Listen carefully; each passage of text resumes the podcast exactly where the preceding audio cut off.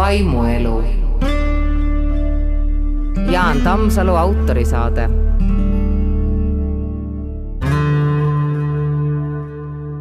tere, head Vaimuelu saate kuulajad, tere sullegi, Jaan! tere, Bianca! oleme advendiajas, advendiaeg on alanud, kas sul on kodus küünlad süüdatud, kõik kombed on täidetud? oo oh, jaa, eile oligi akende peal vähemalt neli juba, kuigi ei ole neljas advent, aga ei olnud ka lillad küünlad või violetsed. räägime natuke õige sellest advendiajast äh, täna rohkem ja ka mõndadest muudest äh, pühadest, miks me neid peame, mis nende mõte on, miks kirik neid tähtsustab. vaatame korraks sellesse aastasse sisse, kas, kas advendiajaga me nüüd lõpetame aasta või alustame, kuidas see kirikus on? Alustaks algusest ja, ja advent alustabki seda algust, aasta algust, kiriku aasta algust. ja sellega on üks kummaline lugu, et inimesed, ka muidu üsna teadlikud inimesed, tihtipeale panevad sellega nii, nagu öeldakse, puusse hiljaaega just keegi rääkis, kuidas ta hakkas esimest adventi tähistama, maale sõitis selleks, aga siis oli keegi tark öelnud, et ei ole veel esimene advent ja küll tema vaidles, et enne jõule ju neli pühapäeva ja jah, aga seekord on neljas advendipühapäev ja jõululaupäev ühel päeval, ehk siis hommikul on neljas advendipühapäev ja õhtul peale päikeseloojangut on siis juba püha jõuluõhtu ehk päev enne kui päike on loojunud, siis alustatakse uut päeva sellise kirikukalendri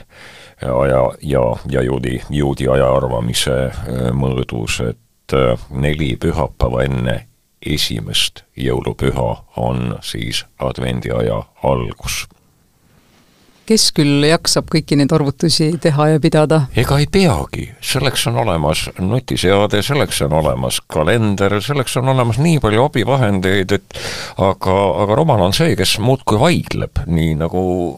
mul mõned leerilapsed vaidlevad, et ikka õun oli raudselt see, see puuvili, mille ja nii edasi, nii edasi, kuskil ei ole kirjas, et õun. muidugi eh, seda eh, päevade seisu, nagu tänavu on, seda minu meelest tuleb üsna harva ette jah, teda aeg-ajalt tuleb nii-öelda võimaluse korral võib-olla seitse korda seitsmekümne aasta jooksul või midagi taolist, aga nüüd ta, nüüd ta sattus, jah. aga näed jälle üks põhjus, miks seekordsed jõulud on erilised? absoluutselt, mina näiteks olen just nimelt kell kümme algaval jumalateenistusel jutlustamas Tallinna Jaani kirikus ja, ja õhtul on kaks teenistust veel peale selle, siis jõuluõhtuteenistused, nii et on põhjust olla, olla natuke erinev jälle ja käia kaasas sellega, mis, mis on ette antud. aga see kirikuaasta alustamine varem, mõned on öelnud selle kohta, et, et noh, miks te ei ole samal joonel kui kogu ülejäänud rahvas. no kooliaasta algus ei ole ka esimesel jaanuaril, majandusaasta ja nii edasi ja nii edasi. meil on väga paljud sellised asjad, mis on, mida nimetatakse aastaks ja siis liigendsõna tuleb sinna ette kiriku aasta algab esimese advendi pühapäevaga, ei ole kindlat kuupäeva ja arvestatakse siis jah, selliselt neli, neli nädalat, neli pühapäeva enne esimest jõulupüha, enne kahekümne viiendat detsembrit. ja miks me niimoodi teeme, kõik maailm lõpetab aastat, kirikus me alustame? No kirikus ollakse ajast ees, ütleme siis, et tark ei torma, aga aga, aga tark ei jää ka maha. No ma arvan, et need kirikuausta sündmused on pandud üsna loogilisse järjekorda piibli järgi ja, ja küllap on ju ka see üsna selge meile kõigile, et, et jõulud on niivõrd oluline sündmus, et selle eel võiks olla ka midagi olulist, mis seda otsaga ette valmistab. Ja ja advent on ju ootusaeg, see on millekski valmistumise aeg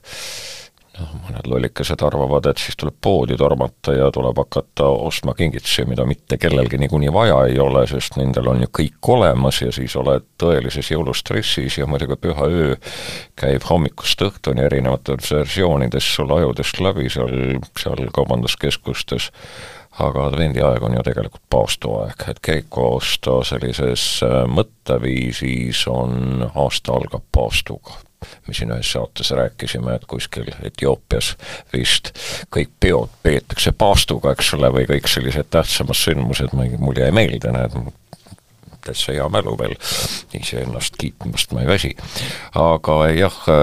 neljanädalane paastuaeg ehk lühike paast, et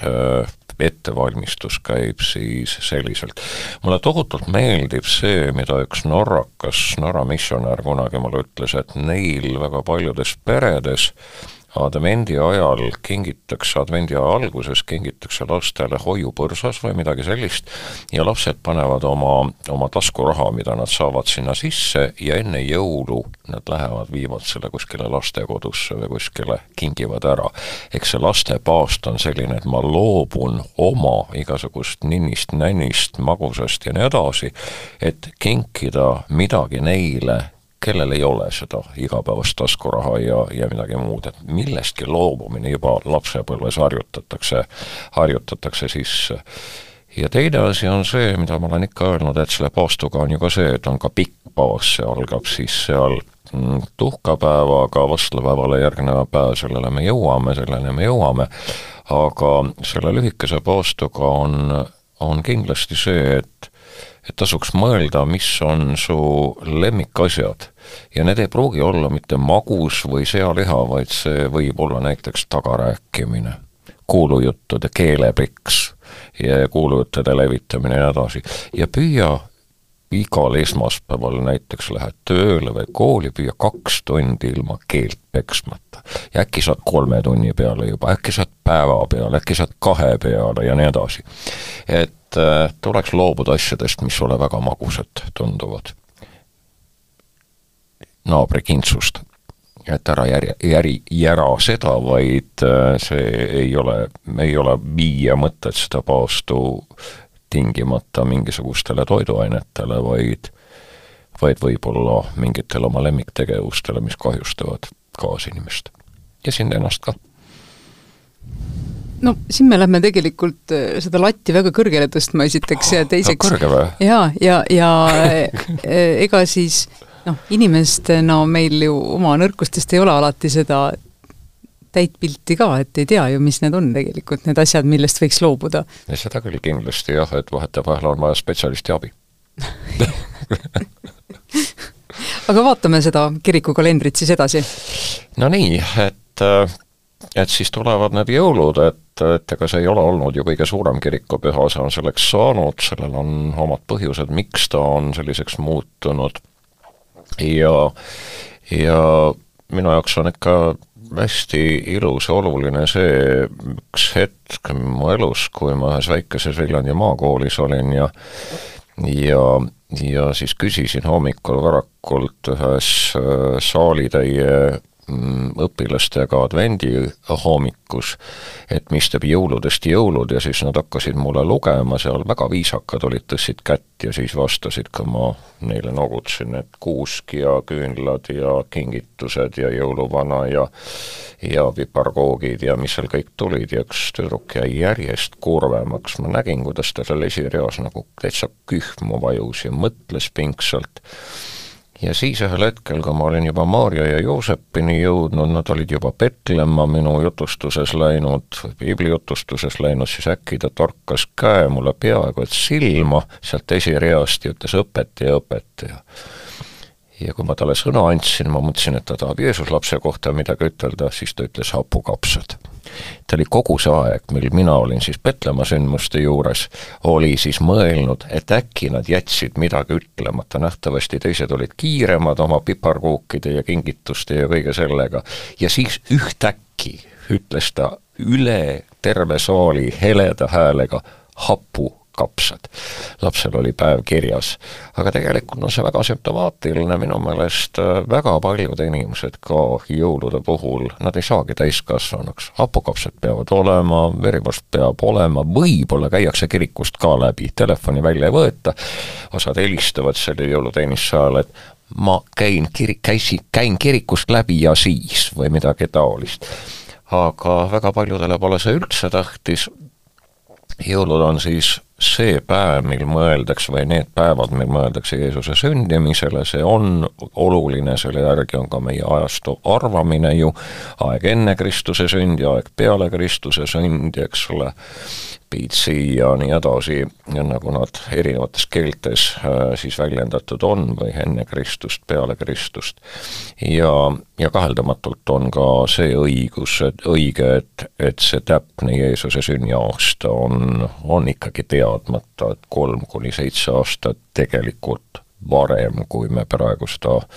aastat kaks tuhat kakskümmend kolm või neli siis loeme, et me võiksime siia kolm kuni seitse aastat ilusti otsa panna, et selle õige aja saada kätte, aga see on ka ikkagi väga oletuslik, nii et ega täpselt ei tea ja ega seda kahe tuhande aasta tagust asja ju kuupäeva või ka aasta täpsusega ongi keeruline paika saada. jõulude järgi, jõulusid peetakse ikka mitu päeva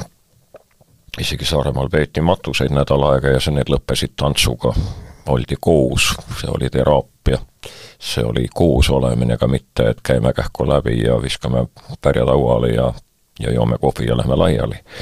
et, äh, et miks siis ei peaks Kristuse sündi tähistama pikalt?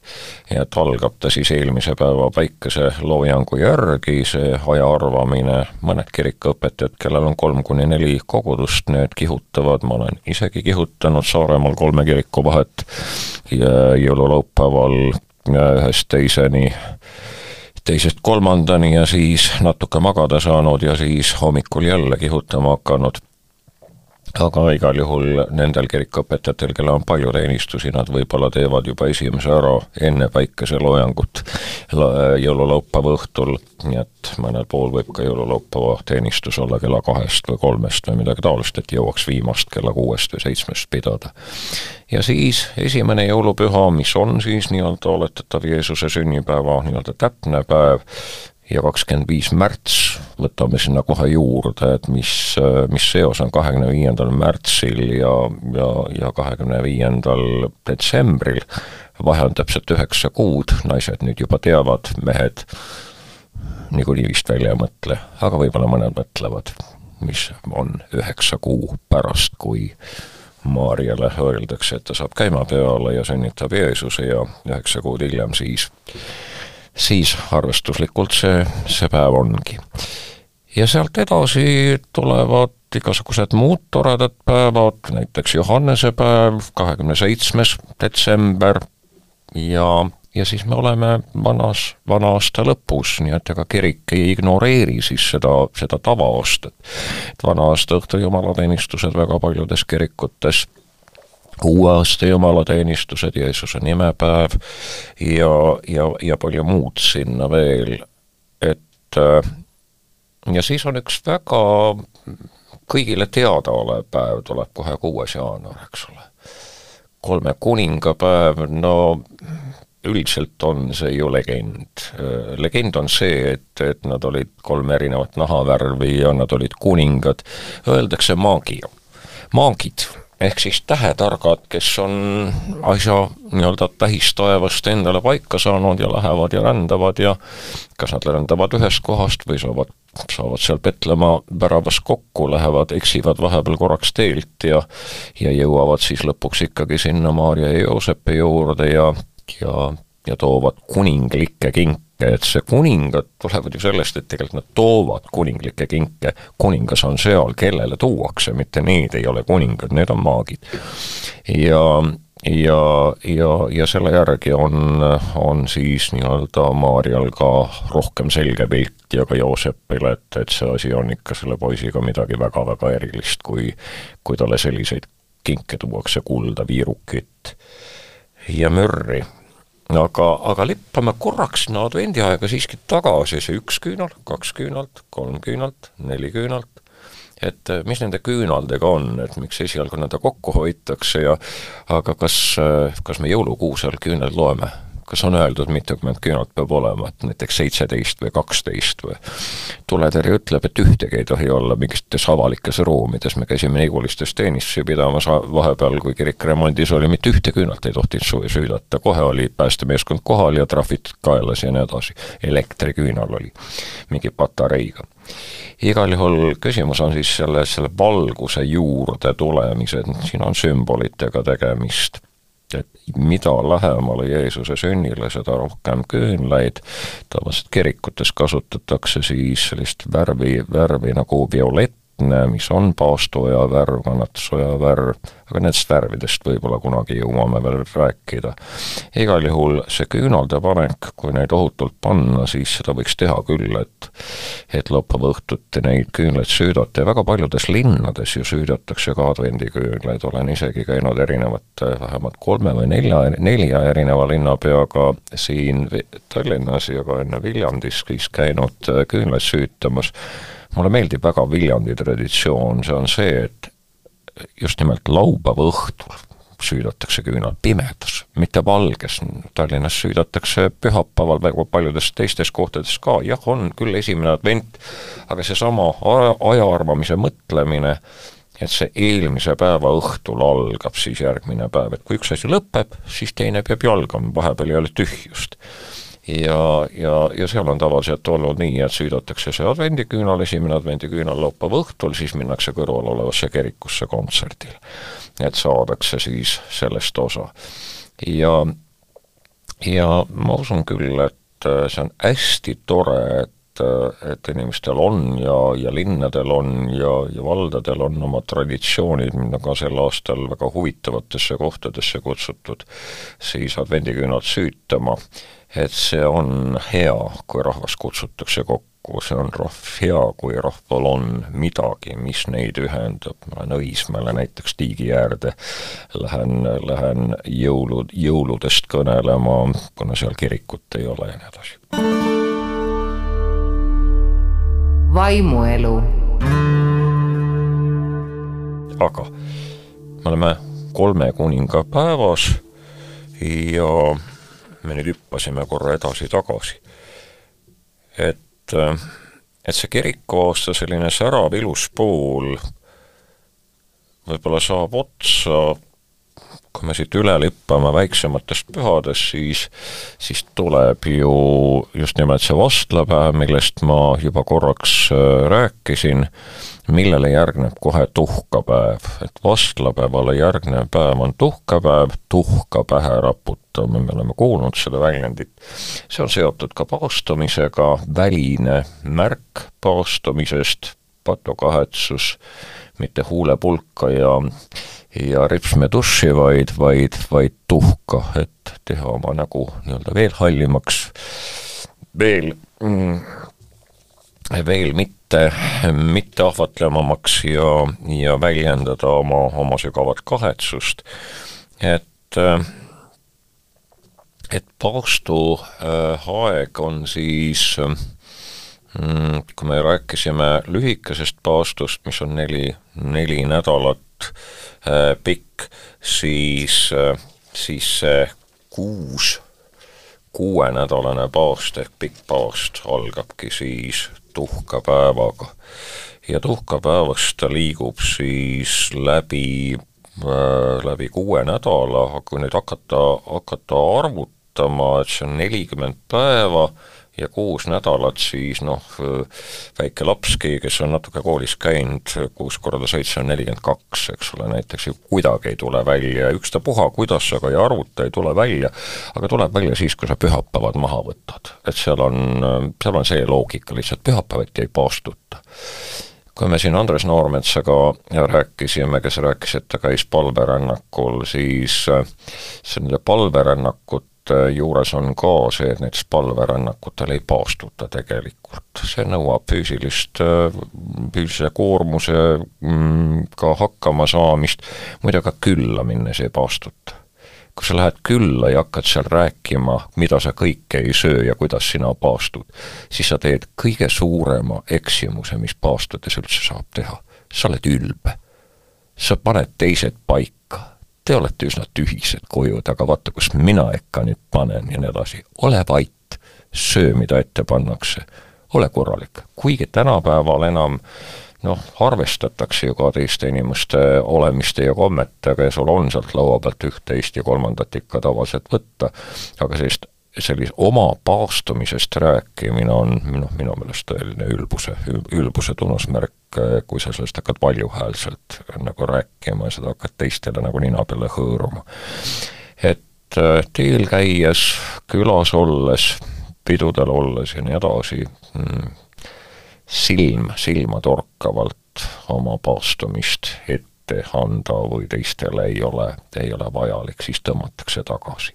ja pühapäevad on, iga pühapäev on nagu ülestõusmispüha, et see on rõõmupäev ja, ja selles suhtes nendel päevadel kiriklikult ei ole paastutud. Üks päev äh, on juba ära mainitud selles paastuajas, see on seesama paastu Maarja päev, kuna ta jääb paastuaeg, Maarja päevi on hästi palju.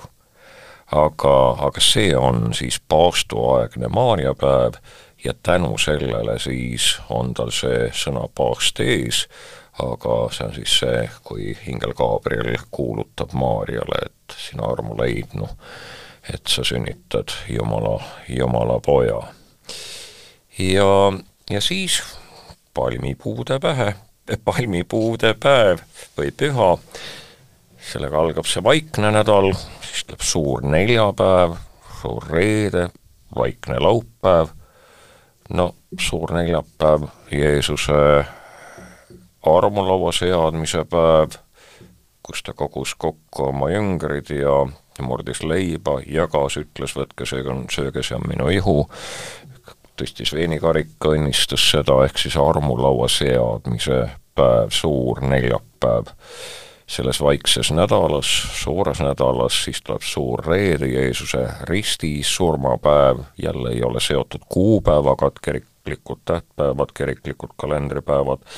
on kaks erinevat versiooni, üks on siis see, et on kuupäevaga seotud nagu kakskümmend neli, kakskümmend viis, Mm, detsember või kakskümmend viis märts, aga siis on noh, selgelt suur neljapäev ei saa olla kindlal kuupäeval, see on lihtsalt, kui see vaikne nädal algab, sealt edasi neljapäev, siis tuleb reede, ma olen küsinud õpilaste käest äh, näiteks seda, et et äh, mis päeval on suur reede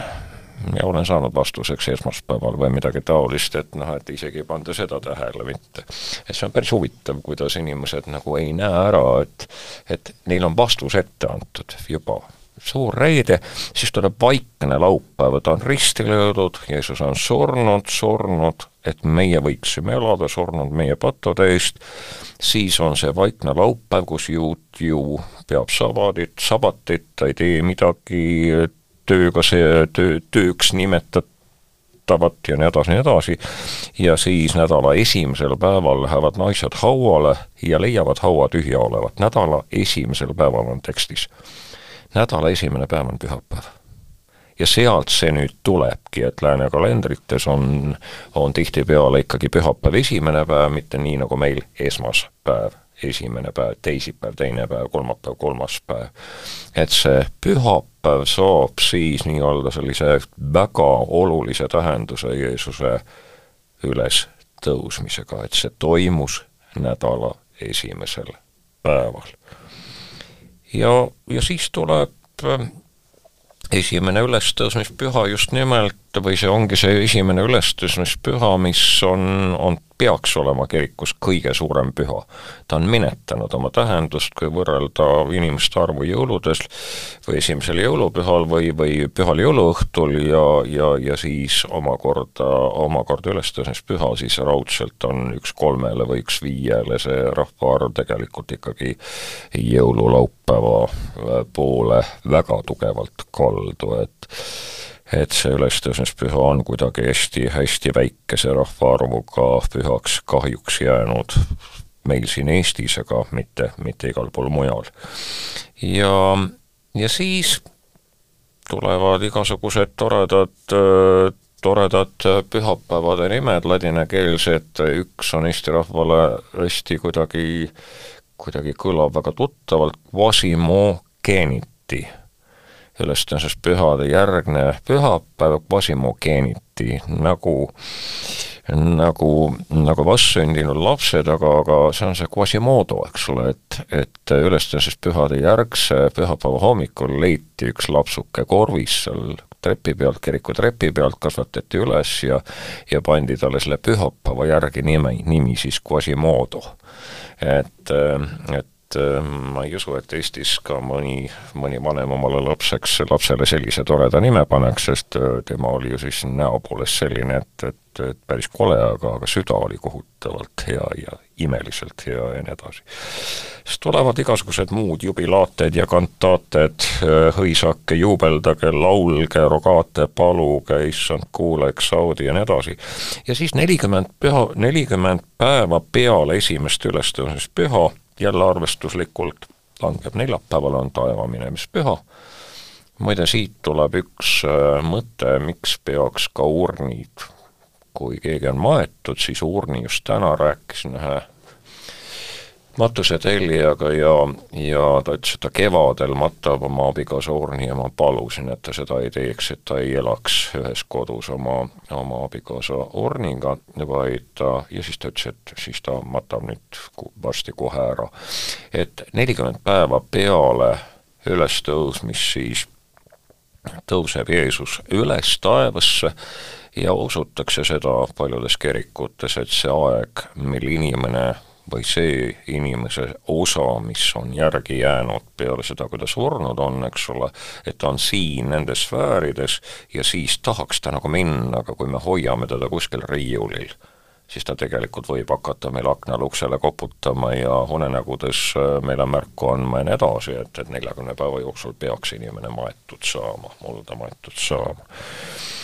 Nii et taevaminevus püha ja, ja, ja, ja siis me võime julgelt äh, üle lipata kõikidest muudest aegadest, tuleb see nii-öelda kiriku pühade vaene aeg, tõsi küll, jah, äh, jaanipäev on Johannese päev, ristija Johannese päev, siis kakskümmend neli detsember. Ja, ja, ja siis Äh, loomulikult seal sügisel Mihkli päev, peaingel Miikali, laste ja inglite päev ja siis kahtlemata hingede päev, siis teine, teine november, mis on selline kokkuvõte sellistest pikemast hingede ajast, üks kindel päev. ja nii ta läheb, kuni ta lõpeb siis sellise kirikuaasta viimase pühapäevaga, mis on surnute mälestuspüha olnud väga pikka aega luterlikus kirikus, igavikupühapäev, Kristus kuninga pühapäev, aga võiks siis öelda, et, et mõeldakse igavikule, mõeldakse lahkunutele, enne kui aasta päriselt on lõppenud, lõppenud kirikuaasta, ring on täis saanud, vaadatakse tagasi ja, ja siis juba järgmise pühapäeval hommik on esimese advendi pühapäeva hommik, et linnulennul, sellest minu meelest täiesti piisab esialgu esimeseks äh, teadmiste vooruks. kas sinu meelest on rohkem rõõmsameelseid pühasid kirikukalendris või selliseid, kus äh, tuleb olla järelemõtlik ja kahetsev ja mõelda äh, oma, oma, oma elule niimoodi kaalutlevalt, analüütiliselt või vaata, sellega on nii kuidas see tonaalsus on, kui nagu niimoodi peale vaadata? no kui to-, kui peale vaadata, siis, siis minu meelest tonaalsus äh, kipub olema ju minoorne ühest küljest, kui me vaatame kiriku laulu- ja palveraamatut, siis seal on valdavas osas minoorsed lood, eks ole, ma ei tea, kuidas nüüd uus tuleb ja kuidas on teistes kirikutes, aga samas on nii, et ka iga pühapäev, kui ta algab äh, algab alguslauluga meie kirikutes näiteks ja siis tuleb kohe piht, see on eneseks, enesesse vaatamine, sisekaemus, patukahetsus, aga siis tõuseb ju ots üles, et me alustame sellega, et me palume andeks ja siis tõstame otsa, otsa üles, iga pühapäev on ülestõusmispüha see sõltub ju vaimulikust, kuidas ta on, kas ta on nagu pidevalt selline negatiivne ja porisev ja tahab kogu aeg manitseda ja, ja, ja rusikaga vastu kantsli äärt taguda ja rääkida, kui halvad inimesed on ja kuidas maailm on hukas ja nii edasi, või kuulutab ta rõõmu, et, et kui ma Sorte mälestuspühal jutlustasin Jaani kirikus, mina küll ei usu, et ma hirmus, hirmus negatiivne olin või, või kuidagi kurvameelne, loomulikult loomulikult ka pöörasin tähelepanu olulistele asjadele, aga aga isegi Viimse kohtupäeva sündmus, millest lugesin hiljaaegu Urmas Petti, noorelt lahkunud väga imelise vaimuliku jutluse kogu, mis nüüd ilmus, ja ta ütleb ka, et Viimse kohtupäeva lugu ei ole ju tegelikult hirmutav lugu, vaid see on ääretult suure lootuse andmise lugu. et meie üle mõistetakse kohut mitte nende tunnusmärkide järgi, mille üle, mille üle meie kohut mõistame või mille alusel meie kohut mõistame, vaid mõistetakse kohut hoopis teistes, teist, teiste kriteeriumite järgi. ja, ja, ja, ja see sõltub ikkagi seda, kuhu sa või kuhu see pilk pööratakse ja kellega koos sa oled parasjagu kas sa pöörad selle pidevalt alla, ülestõusmispühadest on võimalik ka teha üks, üks suur manitsuspüha ja, ja, ja, ja noh, nii nagu paljudel, paljudel pidudel on ju neid inimesi, kes suudavad ikka tuju ära rikkuda ja nii edasi, aga ma arvan, et, et et kirik, noh, Eesti evangeelne, sõna evangeelne tähendab ju, ju rõõmusõnumit. Et ta võiks ja peaks olema. Ja noh, minu meelest õigeusu katoliku baptisti nelipühi ja ma vaatan, kui palju on rõõmu, kui palju on sellist äh, mažoorsust ja nii edasi. et, äh, et terve see kirikuaasta käib selle Jeesuse elu nii-öelda ringis, need olulisemad sündmused üle, et keskenduda nendele ja see kõik ju ikkagi päädib ülestõusmisega ja ülestõusmislootusega meile kõigile, nii nagu Marju Kõivupuu siin ühes saates ütles, et Kristuse sellise elujõu üks kindel tagatis on olnud see,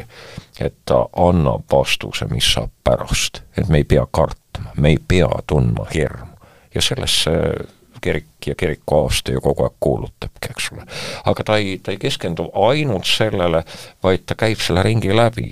ta on väga aus, see on ka inimese eluring. ka meil on kannatusi, ka meil on valusi, ka meil on kurbust, aga nii nagu üks Võrumaa mämm või Eesti Televisioonis kunagi ütles, kirjeldas oma raskusi ja nii edasi, siis lõpuks ütles, et mu elu siin on raske, aga rõõmus. ma elan siin üksi, aga ega ma ei ole üksi, mul on mu Jumal. et kui see Jumala läheduse tunnetus on olemas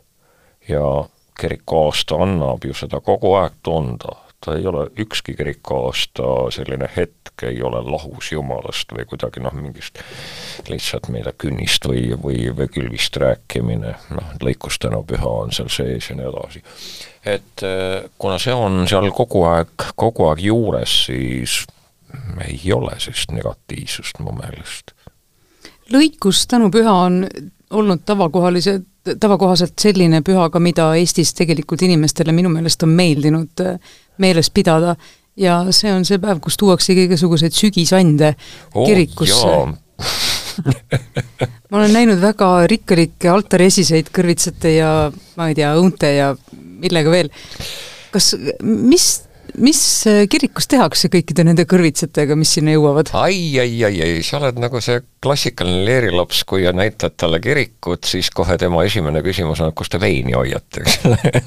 mis nende sügisandidega teete või, või nii nagu Valjala kirikus oli olnud üks kirikuõpetaja, kes oli sügisel öelnud kogudusele teadete osas, et armas kogudus,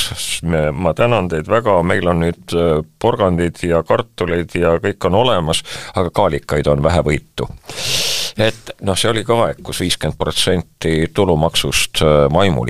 võeti riigile, lihtsalt et see asi kõik välja suretada korralikult ja kirikute pealt võeti, kuupmeetri pealt võeti ka hoonete maksu, mitte ruutmeetri pealt, sest kirik oli kõrge. ja aga nüüd sinu küsimuse juurde,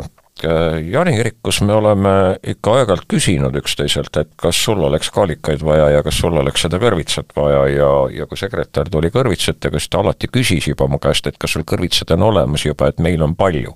või ütles, et sel aastal on endalgi vähe. nii et, äh, et eks need jagatakse ära ja ja, ja, ja, ja võib ju öelda ka seda, et äh, ja tegelikult ma ütleks hoopis midagi muud, et kui ma tulin Jaani kirikusse ühel, ühel päeval tuli mu sõber Ahvenamaalt, Morten Anderson, keda ma loodan kunagi siin saates kuulata ja, ja küsitleda, väga hea eesti keelega mees, ja küsis, mis asi teil siin on ja oli just nimelt lõikus tänu püha tulemas ja altar oli täis igasuguseid kartuleid ja kaalikaid ja noh, õnneks küll puhtaks pestud asjad, aga no, no üldiselt seda krutsifiksi sealt tagant eriti näha ei olnudki, oli üks tohutu tohutu hunnik erinevaid sügisande, õunu ja pirne ja hästi niisugune pidulik küll, jah, ei pirne ei olnud, pirnid ei ole ju meil nii kaua vastu pidavad. aga, aga siis ta ütles kohe, et altari peal sellised asjad ei käi, et, et hankige endale mingi, muretsege endale, nagu eestlased muretsevad, muretsege endale mingi madalam laud sinna altari ette ja pange sinna, et, et noh, ja sellest hetkest alates ongi see nii olnud ja ma loodan, et ka peale mind see nõnda jääb, et et altaril on, on, on kolm asja, on küünlad või elav tuli, siis on krutsifiks või rist ja täispiibel. ja kõik muu on noh, lilled võivad olla, aga need võivad, peavad olema lõikelilled, kui on mullaga pott, siis on see üks igavene kitsi, kitsi värk. Veini küsimusest nüüd ka, et kus te siis seda veini hoiate, aga ah. tegelikult äh, räägi paar sõna armulaua veinist ka, see, see ei ole ju päris, et, et, et vaimulik ei jookse ju äh, Rimisse üle tee enne jumalateenistust veel kähku esimest suvalist pudelit veini ostma, teil on oma äh, mõte sellega, milline see võiks olla. Ütleme siis nii, et, äh, et vähemalt Tallinna Jaani koguduses äh, see aeg, kui kui Covid hakkas, hakkas inimesi hirmutama äh,, pani meid äh, mõtlema, et me oleme õige otsuse teinud ja me oleme kasutanud sellist kõvendatud või tugevdatud veini, mis on seitsmeteist viie, seitsmeteist koma viie protsendine. Ehk noh, sisuliselt portvein ja, ja just seetõttu, et inimeste hirmu vähendada, hõbe, kuld, mis on karika puhul tavaliselt, pluss siis veel see tugevdatud või kõvendatud vein, see, et kolm, kolm tükki koos ei ole, ei ole, ei anna kohe kuidagi välja võimalust äh, siis mingeid haigusi levitada, aga aga üks hästi oluline asi armuloo veini puhul on see, et ta peab olema kvaliteetne ja ta ei tohi olla vaheldusrikas. ehk siis see vaheldusrikkus, noh, me ei lähe ju mekkima, et oi-oi-oi, mis maitsed siin on, mis bukett ja nii edasi, nii edasi ja siis arutame või me käime kirikust kirikusse ja vaatame, kus parem on. vaid ta peaks olema ühesugune, ehk siis kui ma käin nelikümmend aastat või kakskümmend aastat ühes kirikus armulaual, siis ei tohiks mul olla mingeid üllatusi, et seekord on, maitseb kuidagi imelikult või. et selles mõttes olen ma Armula veini puhul hoidnud seda joont, et, et üks ja sama mark läbi aastate või aastakümnete, kui see on võimalik. kahjuks küll, kui olin kunagi saanud ühe hea veini, veini, veini kätte, siis ühel hetkel öeldi, et Iisraelis seda Taaveti veini enam ei tooda, see on liiga kallis ja, ja siis pidime uue, uue margi valima, et et ta peab olema kvaliteetvein, see on nagu esmatähtis et jõudsime siis sellise teemani, aga kõik on eluline, kõik on huvitav ja kõik, mis on eluline ja huvitav, on ka tähtis meile, meie kuulajatele. Äh, tuleme tagasi advendi aega, oleme teises advendi pühapäevas, mis me siis ütleme inimestele, et võtke nii rahulikult, kui saate ja katsuge sellest äh, rõõmu tunda, mis meie ümber toimub ja tegelikult üks eriline äh, aeg on lähenemas ja õieti me olemegi selles sees, et seda võib võtta nii lõpuna või kui kirikuaastat vaadates, siis ka millegi algusena hoopiski? ma arvan sedasama, et, et tark ei torma ja ja olgu see mõnede inimeste jaoks või paljude inimeste jaoks aasta lõpp ja siis tuleks ju eriti veel nii-öelda vaadata, mis on veel tegemata ja mis asjad on viltu lastud ja mis tuleks korda sättida ja nii edasi ja kui ta on aasta algus, siis tuleks ju sihid paika panna ja mitte lihtsalt tormates välja minna, nii nagu nii nagu keegi, kes ütles, et, et, et sõjas läks väga kiireks mõnel hetkel, esialgu oli aega ikka laadida ka, aga lõpuks ainult lasin. et, et me ei oleks need hullumeelsed, kes ainult lasevad, aga laadida ei oska et me ennast ära ei väsitaks jõuludeks ja, ja võib-olla see tähelepanelikkus ka, et et ei juhtuks nii, et kui need jõulud kätte jõuavad, siis on perenaine täiesti väsinud ja tülpinud ja, ja peremees ka, sest arved on täiesti tühjad ja juba on krediidi kallale mindud ja nii edasi, et, et peame natuke piiri ja mõtleme, mille jaoks kõik need mõttetud kingitused tehti peale, äkki võiks midagi erilist teha, äkki võiks midagi oma käega teha, äkki võiks küsida, kas ma saaksin sulle nende jõulude ajal hoopis appi tulla kööki, äkki sa lubaksid mind kööki appi, äkki lubaksid lapsed ka ja äkki me väsitaks ennast seekord nii ära ja äkki me ei peaks tingimata kuskile sõitma, vaid aga äkki läheks hoopis vanema, vanavanematele külla ja äkki teeks kellelegi teisele need jõulud kaunimaks, aga selleks on advendi ajal vaja maha istuda, on vaja natukene pidurit panna. et, äh, et siis, kui see pidu tuleb, me ei oleks tülpinud, väsinud, üksteise peale kurjad, miks tema ei aita ja miks tema ei tee ja nii edasi ja miks ta jälle niisugune on. võtame natukene aega maha, selleks see advendiaeg on antud ja vaatame aeg-ajalt üksteisele silma ja ja kui kuskil on kurbus, siis küsime, et äkki võiks kuidagi seda vähendada. mõtisklus. advendiaja hämarus, pimedus ja valgus. päev jääb küll tasapisi pisitasa lühemaks, kuid osades kodudes ja pühakodade altaritel on enam ja enam valgust. tasapisi pisitasa köönal kööla järel rohkem ja jõuluõhtul on isegi surnuaiad tulede meres. paljud aga räägivad juba nüüd advendi ajal jõuludest, soovivad innukalt head jõuluaega. kristlike heaolumaade lapsed ootavad kingitusi aknal olevatesse sussidesse, sokkidesse, midagi magusat, midagi head, ikka endale, endale midagi magusat, midagi head. hambaarstid on rõõmsad, tööd tuleb juurde aga lapsed harjutatakse saama ja hakkavad ootama rohkem ja aina kallimaid jõulukingitusi ja vihastavad mõned, kui ei ole see, mida oodati, kui ei ole piisavalt kallis. aga pühakiri kutsub meid midagi kinkima, omalt poolt kinkima, tegema, tegema talle, kes on teel meie juurde, kes on meile juba lõpmata lähedal ja teine teisele. helilooja Erkki Sven Tüüri isa vaimulik Teedi Tüür on kord kirjutanud. Need pole jõulud, mida pühitsetakse rammusate söömaaegadega, joovastavate jookidega ja ülemeeliku seltskonnaga. selliselt veedetakse paganlikku põõripäeva, niinimetatud valguse püha rituaali. jõulud algavad valguse võiduga pimeduse üle inimese südames leebe halastuse ja andestuse osutamisega, ajendavad viima jõulurõõmu õnnetutele, sünnitavad püha kinkimise indu, harrast meele paranduse, kummardamist ja armu imetlemise ühislaulu. jõulud on Jumala armastuse ime. see on kadunud inimesele halastamine, mis sealt peale muutus kristluse igiomaseks normiks ning millest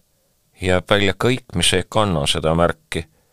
see halastus saadab iga palve vastust, andestust, osavõttu, heategu ja imet. advendiaeg on ootusaeg halastava ja armulise, kõige väelise Jumala ootuse aeg ja enese ettevalmistamine tema tulemiseks. tasapisi pisitasa suureneb advendiküünalde valgus meile otsekui märku andes, et valgust võiks olla pisut enam ka meie hingedes. Need, kes taipavad, et kõige väeline, tema, kes on enda kohta öelnud, mina olen maailma valgus, armastab meid ekslikke, on meie peale halastanud meile, meie eksimused juba andestanud. Nemad muutuvad sellest taipamisest tasapisi osavõtlikumaks, hoolivamaks, suudavad isegi halastada, andestada, armastada suudavad olla head iga inimese vastu, sest nemad teavad, et me kõik, igaüks meist võitleme oma võitlust ja mitte kellelgi meist pole kerge, liiglihtne. ja me kõik vajame armastust, hoolimist, tunnustamist, häid sõnu ja abi. veel ei ole jõuluaeg. on ootusaeg, advendiaeg ettevalmistuse aeg, meeleparanduse aeg, päevad jäävad aina lühemaks, hämarust, pimedust on palju. jah, me vajame valgust ja teised vajavad ka. ja meie saame seda neile kinkida, meil ju on. ja mitte vähe. meile on antud ja antakse veel, kui seda teistele jagame. valgus ei lõpe. Need lõpevad, kes hoiavad head vaid endale ja need, kes ei suuda valgust vastu võtta ja needki, kellele seda ei kingita, kelle ees seda varjatakse. tema, kes kord ütles, et ta on maailma valgus, teadis, et inimesed võivad ka küünlaid ja õlilampe vaka all hoida ja voodi alla panna, teiste eest ära peita, ainult endale hoida, tema teadis, et paljud ei hooli sellest, et pimeduses rändajad teelt eksivad, kuristikku kukuvad Nad varjavad valgust, mida neile on antud, nemad ei taipa, et varjatud valgus kustub. varjaja jääb isegi pimedusse. peidetud leegid võivad palju, isegi kogu maailma põlema panna. kuid praegu äkki jagaks valgust, kingiks. Petlemma tõht juba särab kusagil kõrgel ja kaugel, kuid vaatajad näevad ta valgust. me seisatume ja läheme siis, meile kingitakse võimalus valgust vastu võtta. on kohad, kus seda jagatakse. lõpetan Heljo Männi luuletuse sõnadega. käsi sirutub pikkamisi andmiseks, ei kahma, ei ahnitse enam. suu ei pilka ega pila. sõnad tulevad sõrmedesse ja sõrmeotstesse surisema kujutavad, et on viljapähikuis, kasvavad nendega kahasse, et külvata andmise seemet. ilusat advendiaega. vaimuelu